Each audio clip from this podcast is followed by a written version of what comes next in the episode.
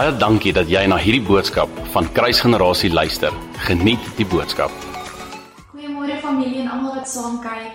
Dis vandag dag 35. Wow, ek kan dit nie glo nie. Dag 35 van hierdie lockdown. En um, ons is reg dat dinge weer bietjie verlig kan word en dat dinge weer na normaal toe kan terugkeer.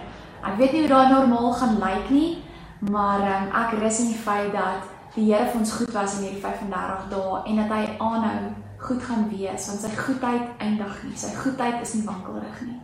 Vanoggend wil ek met jou praat oor repentance of bekering.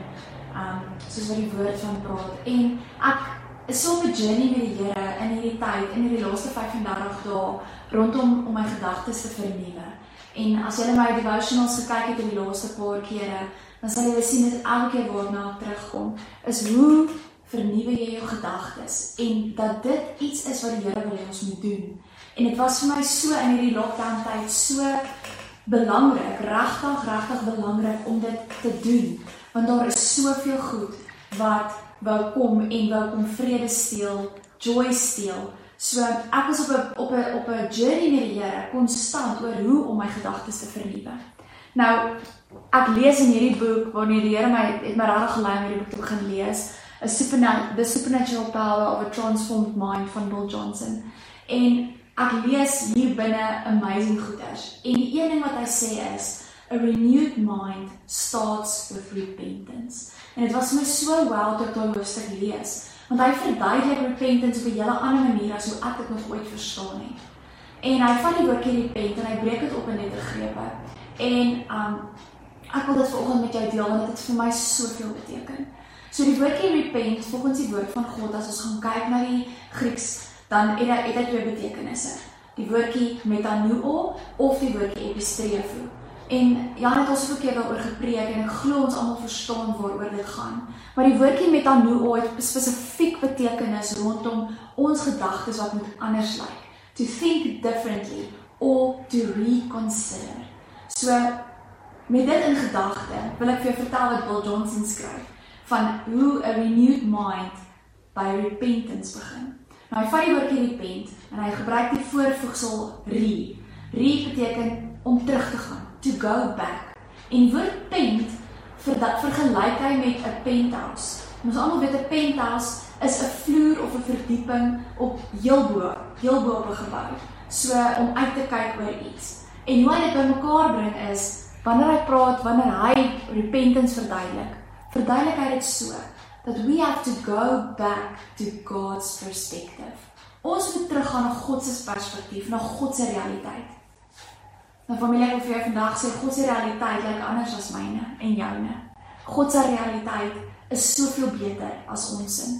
Sy realiteit is vanuit die bonatuurlike, is vanuit die hemel. En is dit nie daai skrif wat ek in die heel begin oor gepraat het van Kolossense 3 vers 2 wat sê fill your thoughts with heaven realities. Dis om te dink vanuit die hemelse realiteit. Maar ek kry myself waar ek 2 dae dit reg kry om my gedagtes te vernuwe en my gedagtes te rig op die dinge daarbo. En dan kom daar een ou daggie wat ek iets lees of iets hoor of net 'n gevoel het, 'n snaakse gevoel my opstaan wat dit vir my moeilik is om reg te kry.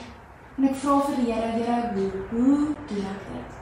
Hoe kry ek dit reg om konstant my gedagtes te rig op die dinge daarbo, om konstant hierdie vernuwe gedagtegang te hê?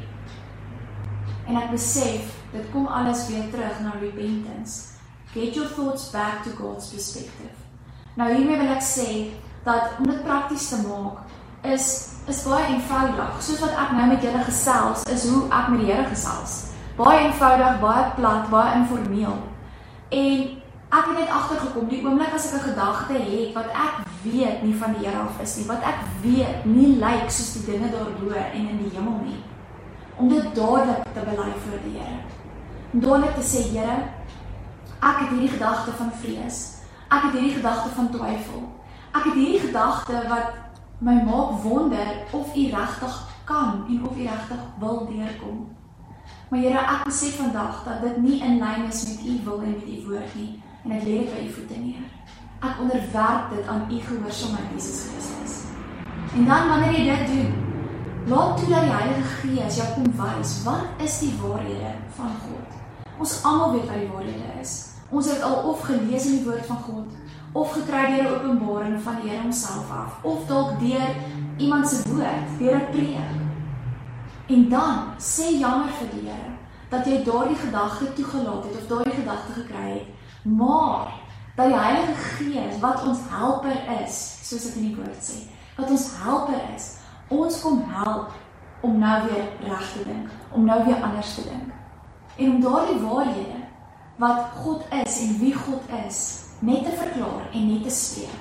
So as ek 'n gedagte kry van vreesagtigheid, dan weet ek dat die woord sê, "Sy God se liefde, sy perfekte liefde verdryf tot vrees." En omdat ek daai waarheid ken, kan ek daai waarheid begin verklaar oor hierdie vreesagtige gedagte wat ek het. Wanneer ek twyfel in of die Here vir my gaan deurkom hierdie maand, dan weet ek hy is my herder. Ek sal niks kort kom nie, soos Psalm 23 sê. En dan kan ek dit verklaar, Here, ek sal niks kort kom in hierdie maand nie, want U is 'n goeie herder, U is 'n goeie Vader, en ek verklaar dit oor hierdie gedagte van twyfel wat ek nou net gehad het. So familie, ek bemoedig jou alhoewel hierdie hierdie lockdown bietjie verlig gaan word, kan daar nog steeds negatiewe gedagtes, angstige gedagtes, gedagtes van wanhoop en en dalk bietjie um vreesagtigheid en angs en confusion in jou hart wees, onsekerheid. Moenie daarvoor bang wees nie. En moenie daarvoor terugstaan vir 'n oomblik en jouself veroordeel nie, maar kom terug na Jesus toe. Come back to God's perspective en verklaar dit wat hy vandag van jou en oor jou sê in Jesus naam. Here, ek prys U. Ek loof U vir die voorreg om U te ken, om elke gedagte wat ons het, Here, net te kan onderwerp aan U gehoorsaamheid Jesus Christus. U gedagtes en U weë is hoër as ons sin.